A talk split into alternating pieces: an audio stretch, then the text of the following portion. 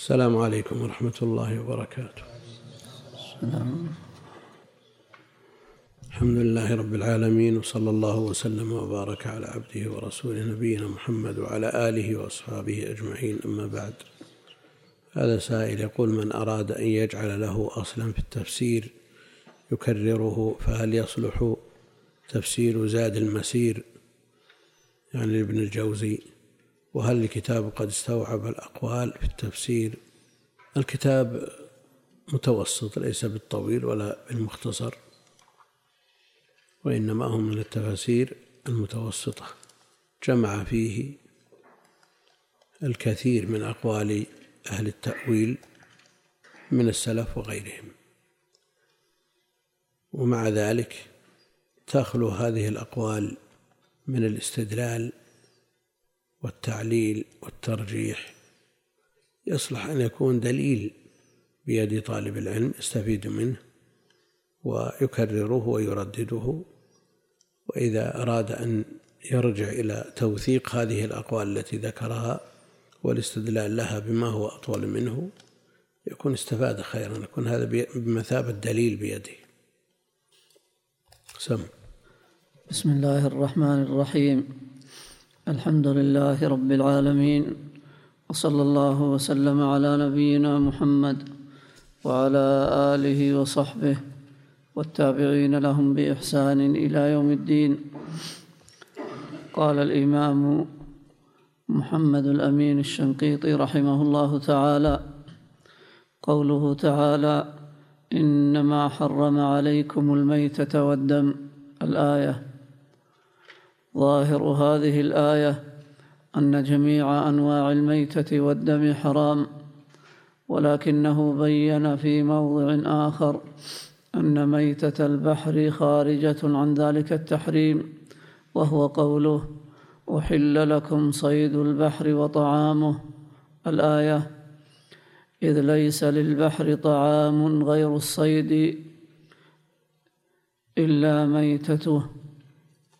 وما ذكره بعض العلماء من أن المراد بطعامه قديده المجفف قديده المجفف بالملح مثلا وأن المراد بصيده الطري منه فهو خلاف الظاهر لأن القديد من صيده فهو صيد فهو صيد جعل قديدا.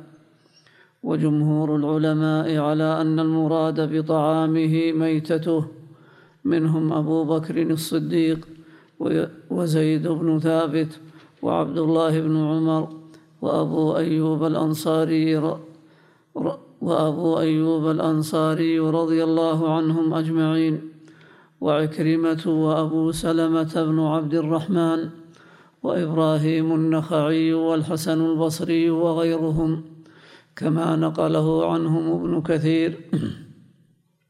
وأشار في موضع آخر إلى أن غير المسفوح من الدماء ليس بحرام وهو قوله إلا أن يكون ميتة أو دما مسفوحا. فيفهم منه أن غير المسفوح كالحمرة التي تعلو القدر من أثر تقطيع اللحم ليس بحرام. إذ لو كان كالمسفوح لما كان في التقييد بقوله مسفوحا فائدة. وقد جاء يقول المؤلف رحمه الله تعالى في قوله جل وعلا إنما حرم عليكم الميتة والدم. الميتة اقترنت بأل والدم كذلك. فالنص شامل لجميع ما يشمله الاسم. اسم الميتة واسم الدم. وجاء ما يخصص الميتة وما يقيد الدم. ما يخصص الميتة وما يقيد الدم. خصصت الميتة بما جاء بما جاء فيما يتعلق بصيد البحر وطعامه. حلت لنا ميتتان ودمان. الميتتان السمك والجراد. خصص هذا اللفظ الميتة بميتة البحر والجراد. وسيأتي تفصيل الكلام في كلام المؤلف رحمه الله. وذكر المذاهب. هذا من باب العموم والخصوص لأن الميتة لفظ ذو أفراد. يشمل جميع ما تحله الحياة ثم تفارقه يطلق عليه أنه ميتة استثنى من ذلك على سبيل التخصيص ما جاء به النص.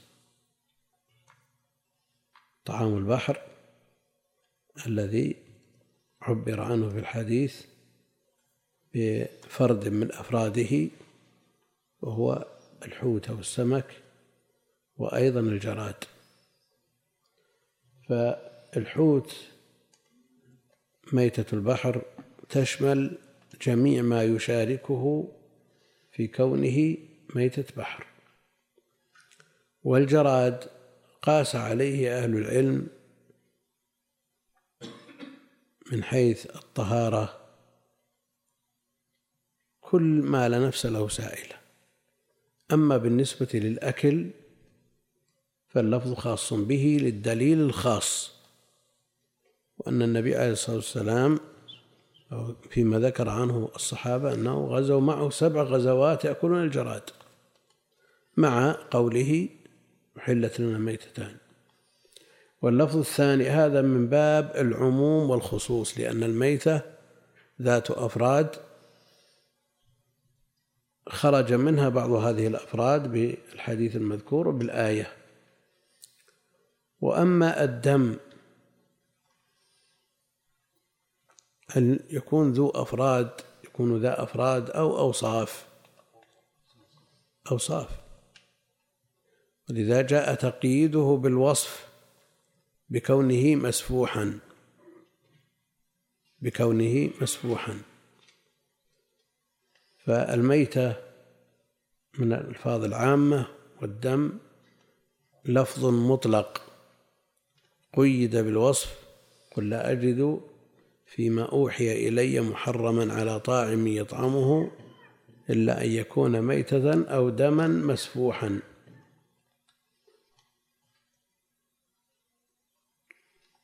طيب لو قلنا أن الدم لفظ عام كالميتة إيش يترتب عليه؟ أنه لا يمكن تخصيصه بقوله دما مسفوحا لأن ذكر بعض الأفراد بحكم موافق للعام ما يقتضي تخصيص. الحكم الموافق.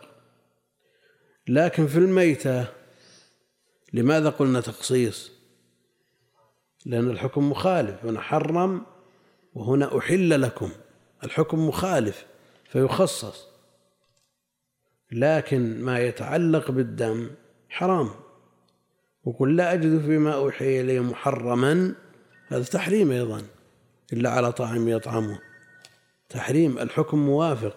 لو قلنا إنه من باب التخصيص لقلنا إنه لا يقتضي التخصيص. لأن الحكم حكم الخاص موافق لحكم العام فلا يقتضي التخصيص. وإنما ذكر الخاص من باب الاهتمام به والعناية بشأنه. كما في نظائره من ذكر الخاص بعد العام أو عكسه. إنما يذكر للاهتمام به والعناية بشأنه. وفي هذه الصورة ينقلون الإجماع على أن المطلق يقيد بالنص المقيد محل اتفاق لأنه يتفق معه في الحكم والسبب. يتفق معه في الحكم والسبب. كما قرر ذلك أهل العلم.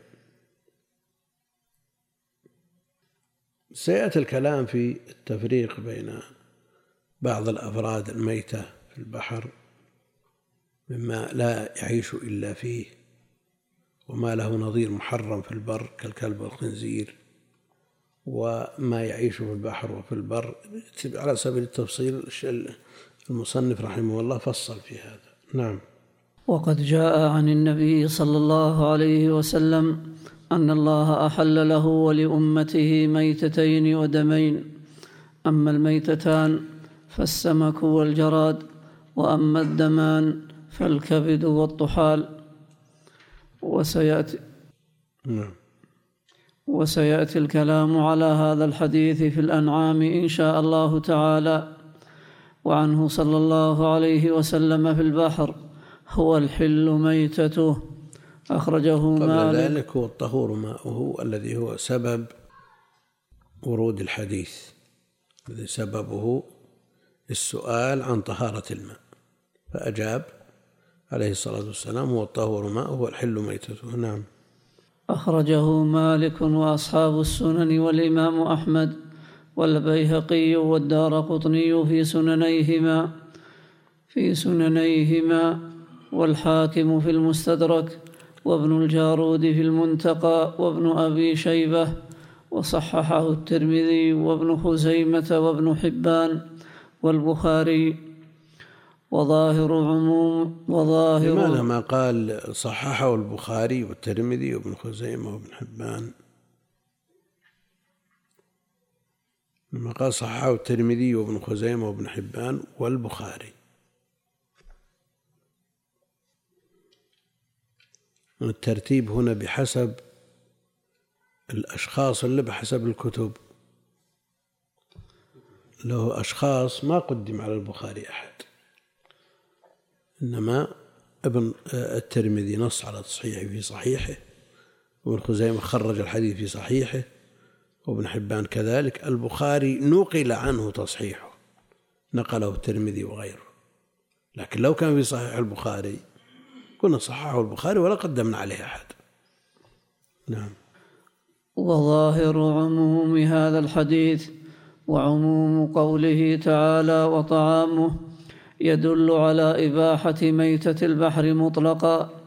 وقد ثبت عنه صلى الله عليه وسلم في الحديث المتفق عليه أنه أكل من العنبر وهو حوت ألقاه البحر ميتا وقصته مشهورة. وحاصل تحرير فقه هذه المسألة أن ميتة البحر على قسمين قسم لا يعيش إلا في الماء وإن أخرج منه مات كالحوت وقسم يعيش في البر كالضفادع ونحوها. أما الذي لا يعيش إلا في الماء كالحوت فميتته حلال عند جميع العلماء. وخالف أبو حنيفة رحمه الله فيما مات منه في البحر وطفى على وجه الماء فقال فيه هو مكروه الأكل. بخلاف ما قتله إنسان أو حسر عنه البحر فمات فإنه مباح الأكل عنده.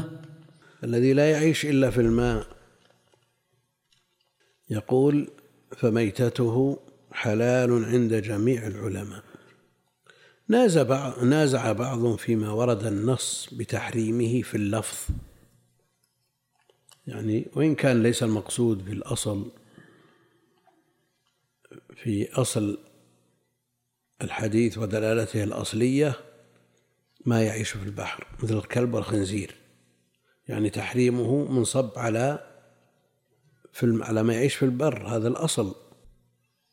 في السياق في النص في الدلالة الأصلية. لكن اللفظ يتناول ما يعيش في البحر مثل ما قال مالك أليس تقولون خنزير؟ فإذا قلتم خنزير معناه أنه يدخل فيه. من حيث اللفظ. أنا أريد أن أبين أن قوله فميتته حلال عند جميع العلماء. في خلاف في مثل هذه الصورة. نعم.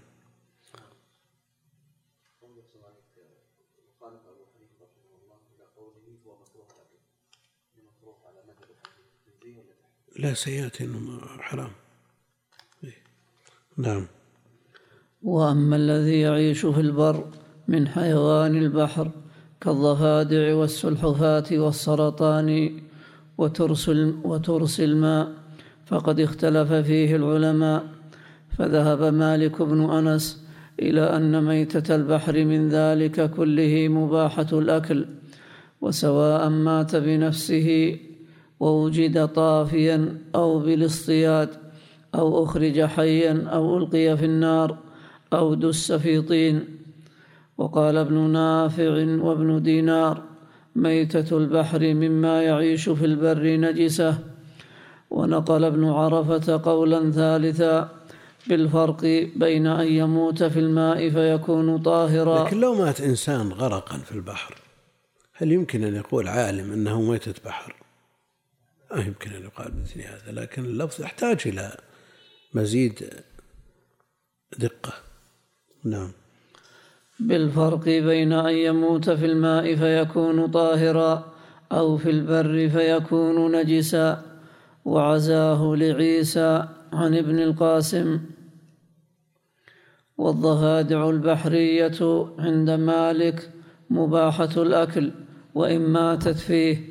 وفي المدونة ولا بأس بأكل الضفادع وإن ماتت لأنها من صيد الماء. انتهى. أما ميتة الضفادع البرية فهي حرام بلا خلاف بين العلماء وأظهر الأقوال منع الضفادع مطلقا ولو ذكيت لقيام الدليل على ذلك كما سيأتي إن شاء الله تعالى. أما كلب الماء وخنزيره فالمشهور من مذهب مالك فيهما الكراهة؟ قال خليل بن إسحاق المالك قال خليل بن إسحاق المالكي في مختصره عاطفا على ما يكره وكلب ماء وخنزيره. وقال الباجي أما كلب البحر وخنزيره فروى ابن شعبان أنه مكروه وقاله ابن حبيب. وقال ابن القاسم في المدونة لم يكن مالك يجيبنا في خنزير الماء بشيء ويقول أنتم تقولون خنزيره. وقال ابن القاسم وأنا أتقيه ولو أكله رجل لم أره حراما. هذا هو حاصل مذهب مالك في المسألة وحجته في إباحة ميتة الحيوان البحري. كان يعيش في البر أو لا. قوله تعالى أحل لكم صيد البحر وطعامه ولا طعام له غير صيده إلا ميتته. كما الآن قاله الآن النص الذي أباح خنزير وكلب البحر. الآية والنص الذي حرمهما. نعم. لأن يكون ميتة أو دم مسفوحا أو لحم خنزير. وجاء في الكلب ما جاء. وش اللي بينها هذه النصوص من النسب؟ لو أردنا أن ننظر إليها ونتعامل معها على طريقة أهل العلم في دفع التعارض في مثل هذه الصورة. قلنا أن الآية عامة. الآية عامة. التي تتعلق آية الإباحة عامة وآية التحريم مجملة. ظاهر ولا مو بظاهر؟ ها؟ فما الذي يقدم؟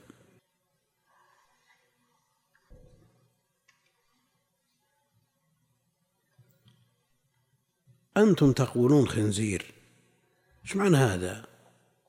أنتم بإقراركم بهذا اللفظ يخشى أن يشمله أو أو لحم خنزير. اللفظ المجمل لأنه يتناول خنزير البر ويتناول خنزير البحر فهو مجمل. أنتم تقولون خنزير. فما الذي يخرجه من الآية المحرمة؟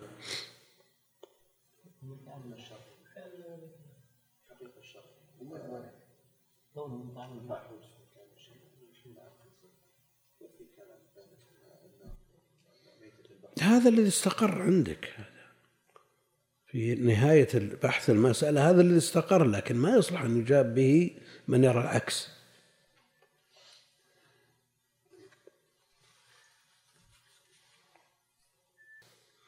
ما في إشكال. إيه.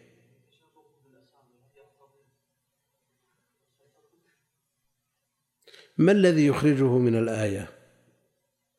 أنتم تقولون خنزير. نعم الحقيقة ليست خنزير. يعني إذا قلنا في البترول أنه الذهب الأسود تقول أنتم تقولون ذهب. نجعل فيه زكاة الذهب. ها؟ كلام في الحقيقة الشرعية واللغوية الأصلية أما ما تعارف عليه الناس يسمونه كذا ويسمونه. ما ينفع ما ينفع. مثل ما في الحمار الوحش. لكنه لا يدخل في تحريم الحمار الإنسي. فالمرجع في ذلك إلى حقيقة الشيء وواقعه. نعم. ولا طعام له غير صيده إلا ميتته كما قاله جمهور العلماء. وهو الحق ويؤيده قوله صلى الله عليه وسلم في البحر هو الطهور ماؤه الحل ميتته. وقد قدمنا ثبوت هذا الحديث وفيه التصريح من النبي صلى الله عليه وسلم بأن ميتة البحر حلال وهو فصل في محل النزاع. وقد تقرر في الأصول أن المفرد إذا أضيف إلى معرفة كان من صيغ العموم كقوله فليحذر الذين يخالفون عن أمره. يعني عن جميع أوامره عليه الصلاة والسلام. نعم. وقوله وإن تعدوا نعمة الله لا تحصوها. جميع النعم الواحدة يمكن إحصاؤها. لكن المراد بذلك العموم لأنه مفرد مضاف. مفرد مضاف إلى معرفة. أنت إذا قلت اللهم اغفر لي ذنبي تقصد واحد ولا جميع الذنوب؟ جميع الذنوب من هذا الباب نعم. وقد أشار في مراقي السعود بقوله عاطفا. وقد ولا وإليه. نعم وإليه أشار. وإليه أشار في مراقي السعود بقوله عاطفا على صيغ العموم. وما معرفا بأل قد وجد أو بإضافة إلى معرف إذا إذا تحقق الخصوص قد نفي. وبه نعلم يعني ما معرفا بأل قد وجد هذا تتمة بيت سابق. شطر ثاني لبيت قبل الثاني أو بإضافة إلى معرف إذا تحقق الخصوص قد نفي. نعم. إذا تحقق الخصوص قد نفي وبه نعلم أن قوله صلى الله عليه وسلم ميتته يعم ظاهره كل ميتة مما في البحر. ومذهب الشافعي رحمه الله في هذه المسألة هو أن ما لا يعيش إلا في البحر. فميتته حلال بلا خلاف سواء كان طافيا على الماء أم لا. بلا خلاف يعني عندهم في مذهبهم. نعم.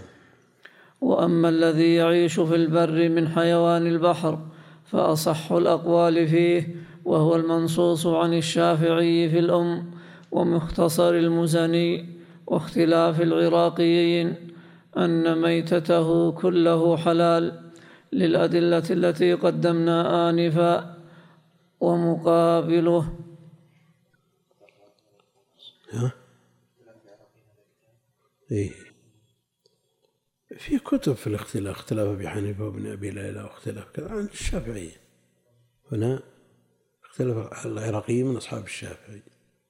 مو مطبوع على هامش لهم طبعة بولاق الظاهر مطبوع. لا إله إلا الله. في المسألة الأولى أن ما لا يعيش إلا في البحر بميتته حلال بلا خلاف في مذهبهم سواء كان طافيا أم لا. هذا يوافقهم عليه الحنابلة ويخالفهم الحنفية في الطافي.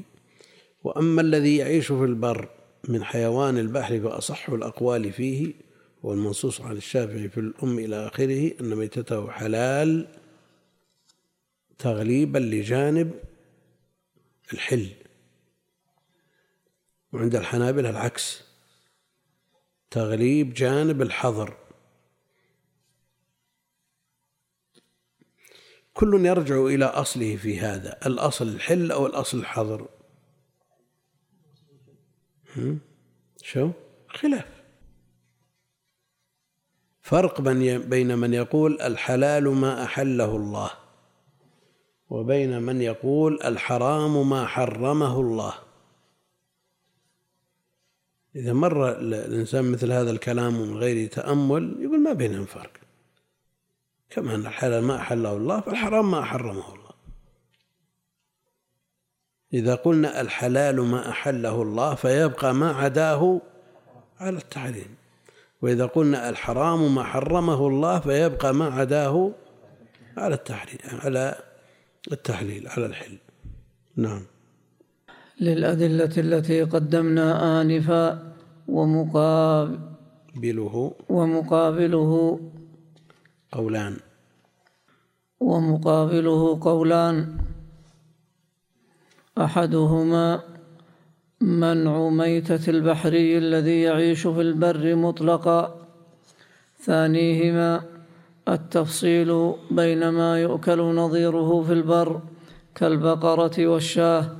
فتباح ميتة البحري منه وبين ما لا يؤكل نظيره في البر كالخنزير والكلب فتحرم ميتة البحري منه.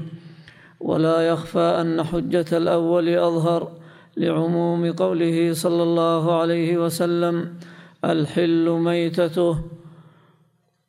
وقوله تعالى وطعامه كما تقدم. ترجيح الشيخ رحمه الله. في قوله ولا يخفى أن حجة الأول أظهر. وجه الظهور في حجة الأول في شمول النص لما يعيش في البر. هل يسمى ميتة بحر. تسمية. لأنه يعيش في البر. يسمونه برمائي. يعيش في البر ويعيش في البحر. وبحري ويعيش في البر وين؟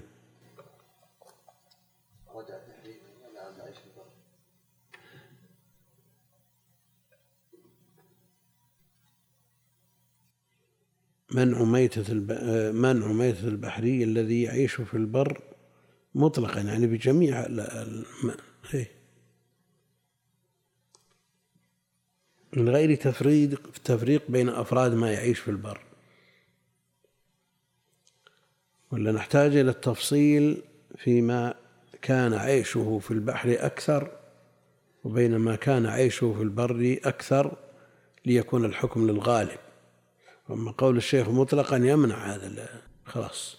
سواء كان أكثر أو أقل ما دام يعيش في البحر ولا يموت إذا دخل البحر فهو ميتة بحر لكن مسألة تحتاج إلى مزيد عناية من الشيخ رحمه الله لأنه لأن الاحتياط وترك الشبهات أمر مطلوب شرعا والاستبراء للدين أمر مؤكد في الشرع. لكن يبقى أنه عند الشيخ أيضا أن للشيخ أن يقول الاحتياط شيء والتحريم شيء آخر. الآن إذا شككت في طعام. ولو كان التحريم عارض لا أصلي إذا كان التحريم أصلي ما في إشكال. تشك هذا خنزير ولا غنم تأكل ولا ما تأكل؟ نعم. تحريم أصلي لكن إذا كان التحريم عارض هل ذكي أو ما ذكي تجزم أنه غنم لكن هل ذكي تذكية شرعية أو ذكاه من ينطق بالشهادتين أو من عنده شيء من الشرك أو شيء من هذا؟ تبقى الشبهة تقوى وتضعف في مثل هذا. ومسألة بناء الجسد.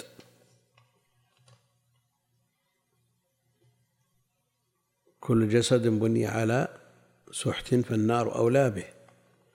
والدعوة إنما تستجاب إذا طاب المطعم. كل هذا يجعل الإنسان يهتم ويتحرز لما يأكل وما يشرب وما يدخله في جوفه.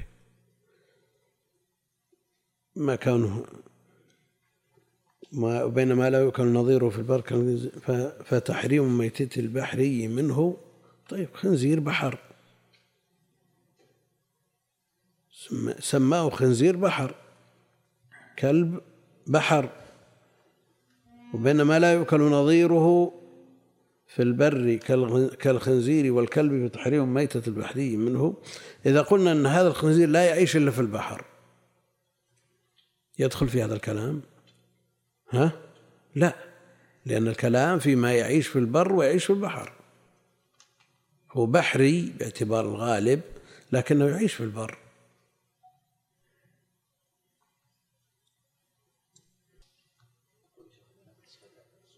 ها؟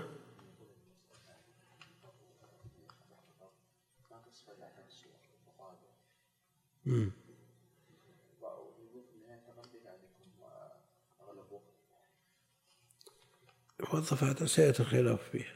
حتى الضفادع البرية بيأتي الخلاف فيها.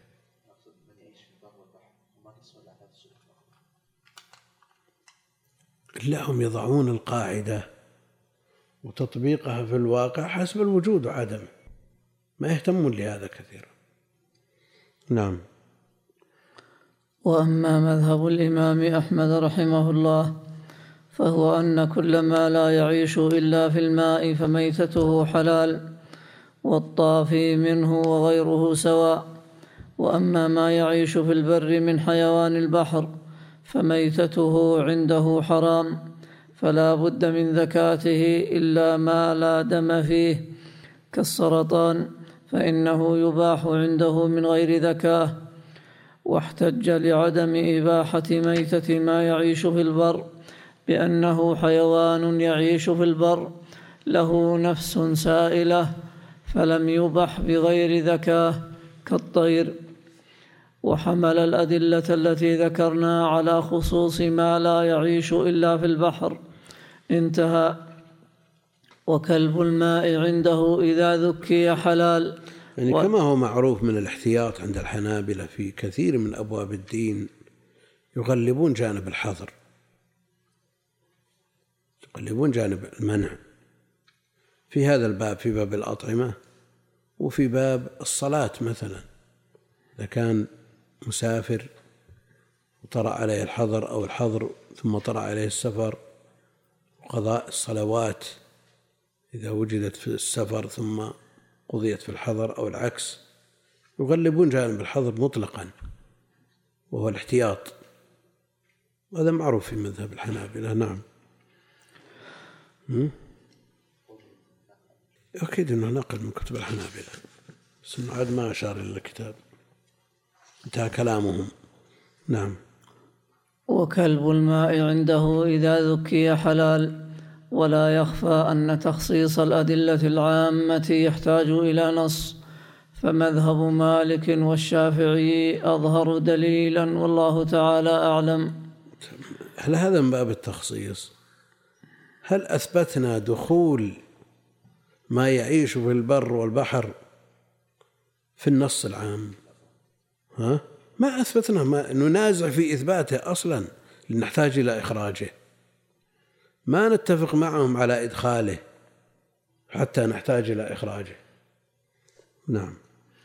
ومذهب الإمام أبي حنيفة رحمه الله أن كل ما يعيش في البر لا يؤكل البحري منه أصلا لأنه مستخبث. وأما ما لا يعيش إلا في البحر وهو الحوت بأنواعه فميتته عنده حلال إلا إذا مات حتف أنفه في البحر وطفى على وجه الماء فإنه يكره أكله عنده.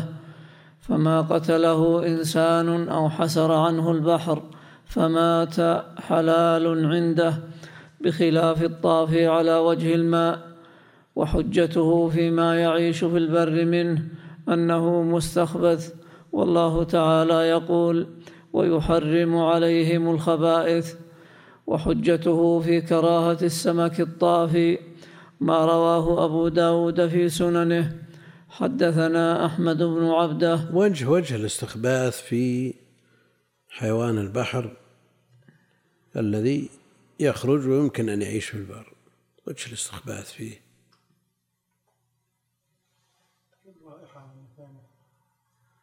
يعني هل من عادة العرب استخباث هذا النوع؟ لأن المردود إليه في الاستخباث عندهم عادة العرب. كون الإنسان نفسه تعافه هل يستقل هذا بالمنع؟ النبي عليه الصلاة والسلام عاف الضب.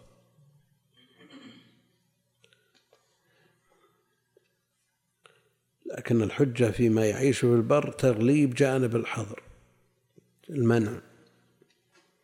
الإنسان إذا استبرأ لدينه ما يلام لكن يبقى أنه إذا كان هناك قول وله مستنده ومأخذه من النص واضح للإنسان أن يمنع منه نفسه من باب التورع واتقاء الشبهات لكن ما يمنع الناس منه.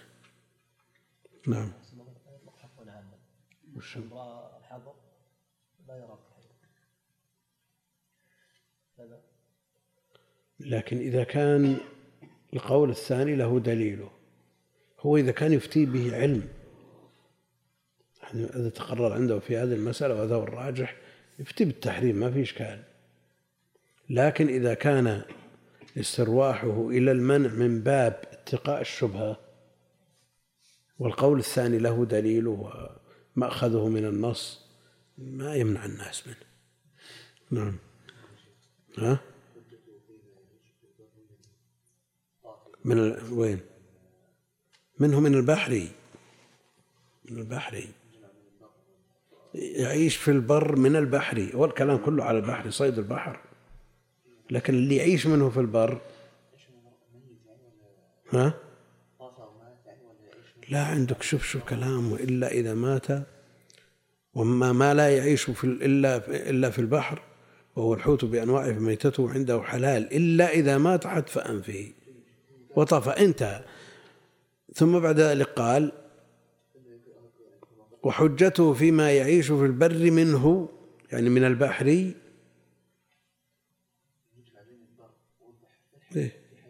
في حياته. يخرج من البحر.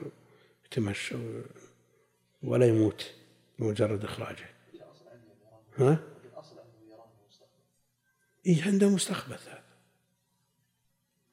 لأنه بالنسبة للناس غير مألوف والناس تكره غير المألوف.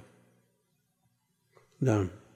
وحجته في كراهة السمك الطافي ما رواه أبو داود في سننه. حدثنا أحمد بن عبده قال حدثنا يحيى بن سليم الطائفي. سليم, سليم. يحيى بن سليم الطائفي قال حدثنا إسماعيل بن أمية عن أبي الزبير عن جابر بن عبد الله قال قال رسول الله صلى الله عليه وسلم ما ألقى البحر أو جزر عنه فكلوه وما مات فيه وطفى فلا تأكلوه. انتهى. قال أبو داود روى هذا الحديث سفيان الثوري وأيوب وحماد عن أبي الزبير. أوقفوه على جابر. وقد أسند هذا نعم قال أبو داود.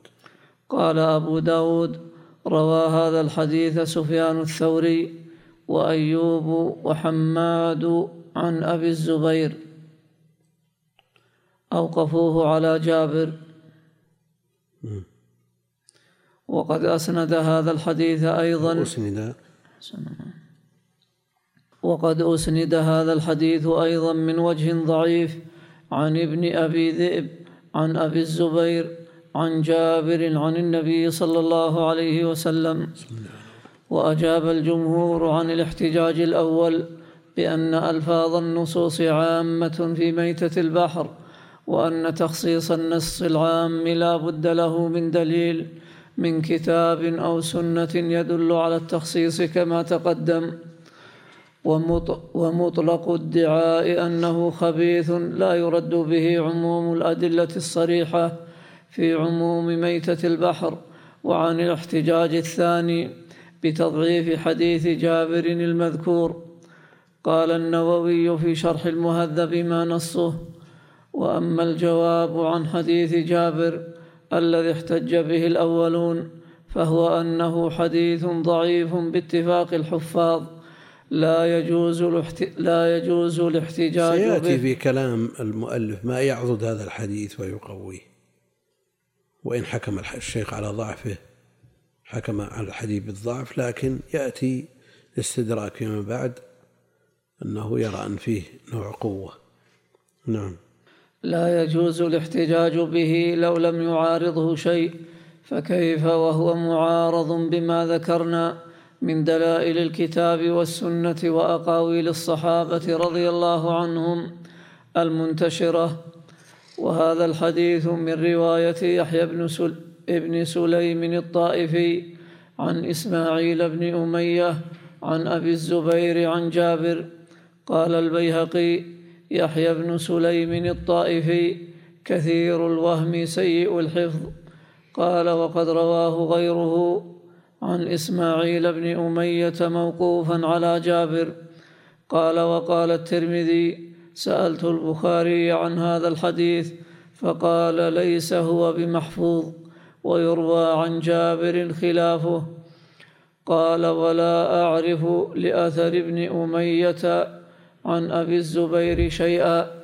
صواب العبارة يقولون ولا أعرف لابن أبي ذئب عن أبي الزبير شيئا.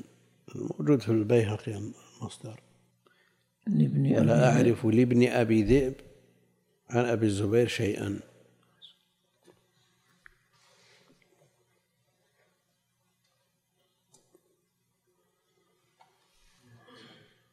Mm-hmm. والله عاد شو نسوي؟ حضرت أكثر من نسخة وجدت كأن هذه أفضل. نعم. قال البيهقي وقد رواه أيضا يحيى بن أبي أنيسة. أنيسة عن أبي الزبير مرفوعا ويحيى بن أبي أنيسة متروك لا يحتج به. قال ورواه عبد العزيز بن عبد ابن عبيد الله عن وهب بن كيسان عن جابر عن جابر مرفوعا. وعبد العزيز ضعيف لا يحتج به. قال ورواه بقية بن الوليد عن الأوزاعي عن أبي الزبير عن جابر مرفوعا. ولا يحتج بما ينفرد به بقية فكيف بما يخالف؟ قال وقول الجماعة من الصحابة على خلاف قول جابر. مع ما رويناه عن النبي صلى الله عليه وسلم أنه قال في البحر هو الطهور ماؤه الحل ميتته. وقال البيهقي في السنن الكبرى في باب من كره أكل الطافي ما نصه. أخبرنا أبو بكر بن الحارث ابن الحارث الفقيه أنبأنا علي بن عمر الحافظ قال حدثنا محمد بن إبراهيم بن فيروز. علي بن عمر. أبو عبد الله. ابن عمر. علي بن عمر هذا من هو الحافظ؟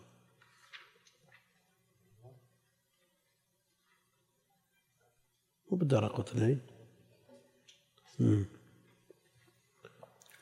نعم. قال حدثنا محمد بن إبراهيم ابن فيروز. حد قال حدثنا محمد بن إسماعيل الحساني قال حدثنا ابن نمير. نمير. قال حدثنا ابن نمير. قال حدثنا عبيد الله بن عمر عن أبي الزبير عن جابر رضي الله عنه أنه كان يقول ما ضرب به البحر أو جزر عنه أو صيد فيه فكل وما مات فيه ثم طفى فلا تأكل. وبمعناه رواه أيوب السختياني وابن جريج وزهير وزهير رواه بن رواه. وبمعناه. رواه أيوب. نعم. وبمعناه رواه أيوب السختياني. السخت بفتح السين. رواه أيوب السختياني وابن جريج وزهير بن معاوية وحماد بن سلمة وغيرهم عن أبي الزبير عن جابر موقوفا وعبد الرزاق وعبد الله بن الوليد العدني وأبو عاصم ومؤمل بن إسماعيل وغيرهم عن سفيان الثوري موقوفا وخالفهم أبو أحمد الزبيري فرواه عن الثوري مرفوعا وهو واهم فيه.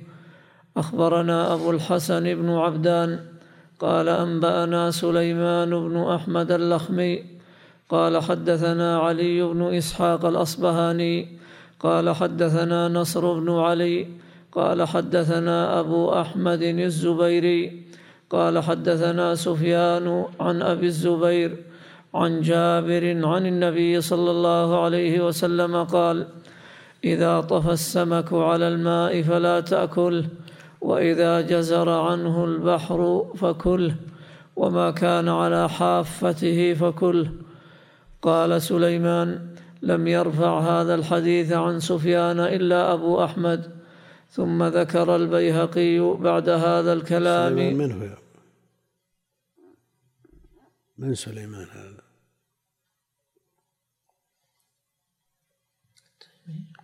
طبراني وش اسمه؟ ها؟ إيه. نعم. هو اللي يظهر. ثم ذكر البيهقي بعد هذا الكلام حديث أبي, حديث أبي داود الذي قدمنا والكلام الذي نقلناه عن النووي. قال مقيده عفى الله عنه فتحصل أن حديث جابر في النهي عن أكل السمك الطافي ذهب كثير من العلماء إلى تضعيفه وعدم الاحتجاج به وحكى النووي اتفاق الحفاظ على ضعفه كما قدمنا عنه وحكموا بأن وقفه على جابر أثبت. مصروف جابر. وحكموا بأن وقفه على جابر أثبت. وإذا فهو قول صحابي معارض بأقوال جماعة من الصحابة منهم أبو بكر الصديق رضي الله عنه وبالآية والحديث كما سيأتي في كلام البخاري رحمه الله. نعم. وبالآية والحديث المتقدمين وقد يظهر للناظر أن صناع أن صناعة علم الحديث والأصول لا تقتضي الحكم برد حديث جابر المذكور لأن رفع بقوي الحديث الشيخ بعد ما تقدم كله بقوي الحديث. نعم. لأن رفعه جاء من طرق متعددة وبعضها صحيح فرواية أبي داود له مرفوعا التي قدمنا ضعفوها بأن في إسنادها يحيى بن سليم الطائفي وأنه سيء الحفظ. وقد رواه غيره مرفوعا مع أن يحيى بن سليم مع أن يحيى بن سليم المذكور من رجال البخاري ومسلم في صحيحيهما.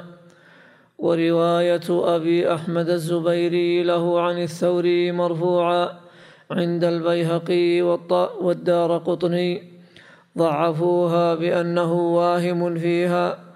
قالوا خالفه فيها وكيع وغيره فرووه عن الثوري موقوفا. ومعلوم أن يقبل التقوية. كل ما يعود إلى الحفظ لا إلى العدالة يمكن جباره. بيجيب لك الكلام عشان ما بعد انتهى. نعم. ومعلوم أن أبا أحمد أن أبا أحمد الزبيري المذكور وهو محمد بن عبد الله بن الزبير بن عمرو بن درهم الأسدي ثقة ثبت. وإن قال ابن حجر في التقريب إنه قد يخطئ في حديث الثوري فهاتان الروايتان برفعه تعضد تعضدان برواية بقية بن الوليد له مرفوعا عند البيهقي وغيره وبقية المذكور من رجال مسلم في صحيحه وإن تكلم فيه كثير من العلماء ويعتضد ذلك أيضا برواية عبد العزيز بن عبيد الله له عن وهب بن كيسان عن أبي الزبير عن جابر مرفوعا ورواية ورواية يحيى بن أبي أنيسة له عن الزبير. عن أبي. عن أبي الزبير. عن أبي الزبير عن جابر. عن أبي الزبير عن جابر مرفوعا. وإن كان عبد العزيز بن, عب ابن عبيد الله ويحيى بن أبي أنيسة المذكوران ضعيفين لاعتضاد رواية روايتهما برواية الثقة. ويعتضد ذلك أيضا برواية ابن أبي ذئب له عن أبي الزبير عن جابر مرفوعا عند الترمذي وغيره فالظاهر أنه لا ينبغي أن يحكم على حديث جابر المذكور بأنه غير ثابت لما رأيت من طرق الرفع من طرق الرفع التي روي بها وبعضها صحيح كرواية أبي أحمد المذكورة والرفع زيادة وزيادة العدل مقبولة. قال في مراقي السعود والرفع والوصل وزيد وزي وزيد زيد اللفظ وزيد اللفظ. والرفع والوصل وزيد اللفظ مقبولة عند إمام الحفظ. هذا ما جرى عليه المتأخرون من أن الرفع في حالة تعارضه مع الوقف والوصل في حالة تعارضه مع الإرسال والزيادة في اللفظ من الثقة كلها مقبولة على ما جرى عليه المتأخرون. ومنهم من يحكم بالعكس. إذا تعارض الرفع مع الوقف يقول الوقف لأنه هو المتيقن والرافع مشكوك فيه. يقول مثل هذا في الوصل والزيادة أن الزيادة إذا وجدت عند بعضهم دون بعض تكون مشكوكا فيها. فترد. ولا القبول مطلقا ولا الرد مطلقا يضطرد في مثل هذا عند الأئمة الكبار بل هم يحكمون بالقرائن. أحيانا يحكمون للرفع وأحيانا يحكمون للوقف وأحيانا يحكمون للوصل وأحيانا يحكمون للإرسال. وأحيانا يقبلون الزيادة وأحيانا يردونها وإن كان بعض المتأخرين نقل الاتفاق على قبول الزيادة من الثقة. لكن يبقى أن الأئمة الكبار من المتقدمين ليست لديهم أحكام مضطردة في مثل هذا. نعم. عن جابر الراجح خارج الصحيح خارج مسلم تحتاج إلى تصريح. هذا كله مبني على الزبير عن جابر. يعني ما فيها ولا موضع تصريح يعني بالزبير مدلس محمد بن مسلم بن تدرس المكي كما هو معلوم. روايته في مسلم عن جابر متصلة ما فيها إشكال ولو بالعنعنة أما في خارج مسلم فهو لابد من التصريح. الشيخ ما أشار إلى هذا رحمه الله. نعم. نعم لقائل أن يقول هو معارض بما هو أقوى منه. لأن عموم قوله تعالى أحل لكم صيد البحر وطعامه وقوله صلى الله عليه وسلم في البحر هو الطهور ماؤه الحل ميتته أقوى من حديث جابر هذا ويؤيد ذلك اعتضاده بالقياس لأنه لا فرق في القياس بين الطافي وغيره وقد يجاب عن هذا بأنه لا يتعارض عام وخاص وحديث جابر في خصوص الطافي فهو مخصص لعموم أدلة الإباحة. فالدليل على كراهة أكل السمك الطافي لا يخلو من بعض قوة والله تعالى أعلم.